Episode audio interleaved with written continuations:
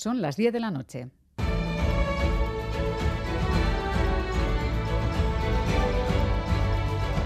Radio Euskadi y Radio Vitoria. Servicios informativos. Repasamos los titulares de la jornada con John Fernández Mur, Gabón. Gabón, Miriam, noticias de este martes 18 de abril, en el que comenzamos hablando del tenso debate en el Senado en torno al ascenso del teniente general Arturo Espejo. PNV y Geroa Bay han preguntado al ministro de Interior por el ascenso de uno de los guardias civiles supuestamente implicados en la muerte por torturas de Miquel Zabalza. Dado que usted es quien en marzo de 2022 nombró como jefe de mando de apoyo a Arturo Espejo, ¿cómo justifica este nombramiento? ¿Qué enfermedad moral le afecta al Gobierno que premia y ensalza a un guardia civil implicado en la muerte de Miquel Zabalza por torturas? La respuesta de Grande Marlasca, que ninguna resolución judicial acredita que Espejo participara en esos hechos. Le pido que refiera una cuestión muy clara. ¿En base a qué resolución judicial concreta, dígame fecha, juez, órgano judicial, el señor, el general Espejo, está o estuvo imputado formalmente y se le formalizó acusación? Dígamelo en base a cuál, porque sabe usted que se han hecho investigaciones concretas y no digan que en este Estado no se ha luchado contra la guerra sucia contra ETA.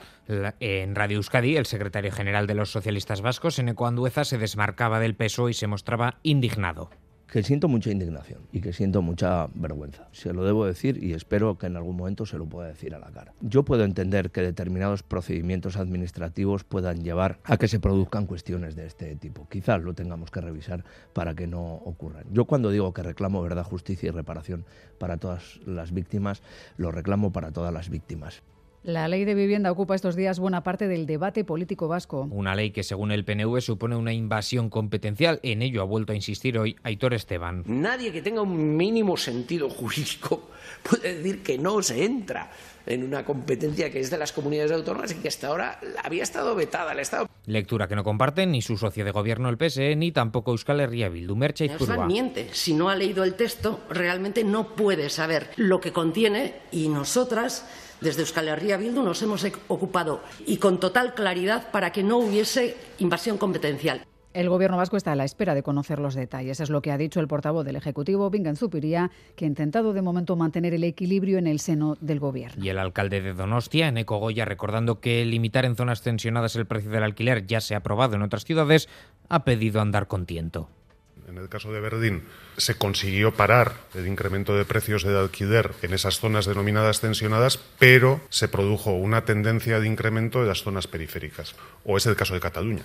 Además de suceder ese fenómeno, hay un retraimiento de la oferta.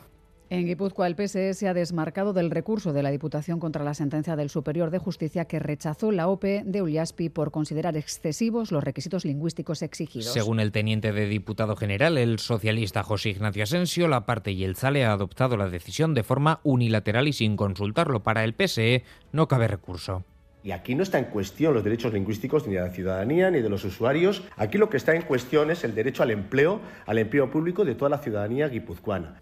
El Tribunal Superior de Justicia de La Rioja ha decretado prisión permanente revisable para Francisco Javier Almeida por el asesinato con alevosía de un niño de nueve años en Lardero. Y le impone además 15 años de prisión por agresión sexual. Los hechos ocurrieron en 2021 cuando el asesino, que es reincidente, estaba en libertad provisional. La familia pide que se depuren responsabilidades habrá que pedir alguna responsabilidad porque este monstruo no tenía que estar en la calle siendo reincidente y si no, pues que nos demuestren por qué estaba en libertad provisional.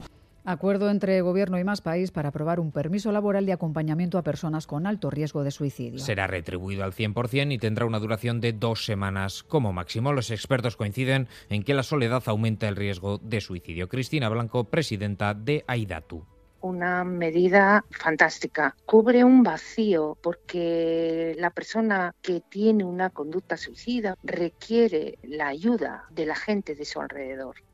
Es todo, así terminamos. Más noticias en una hora y en todo momento en itv.eus y en la aplicación ITV Albisteac. Geruarte.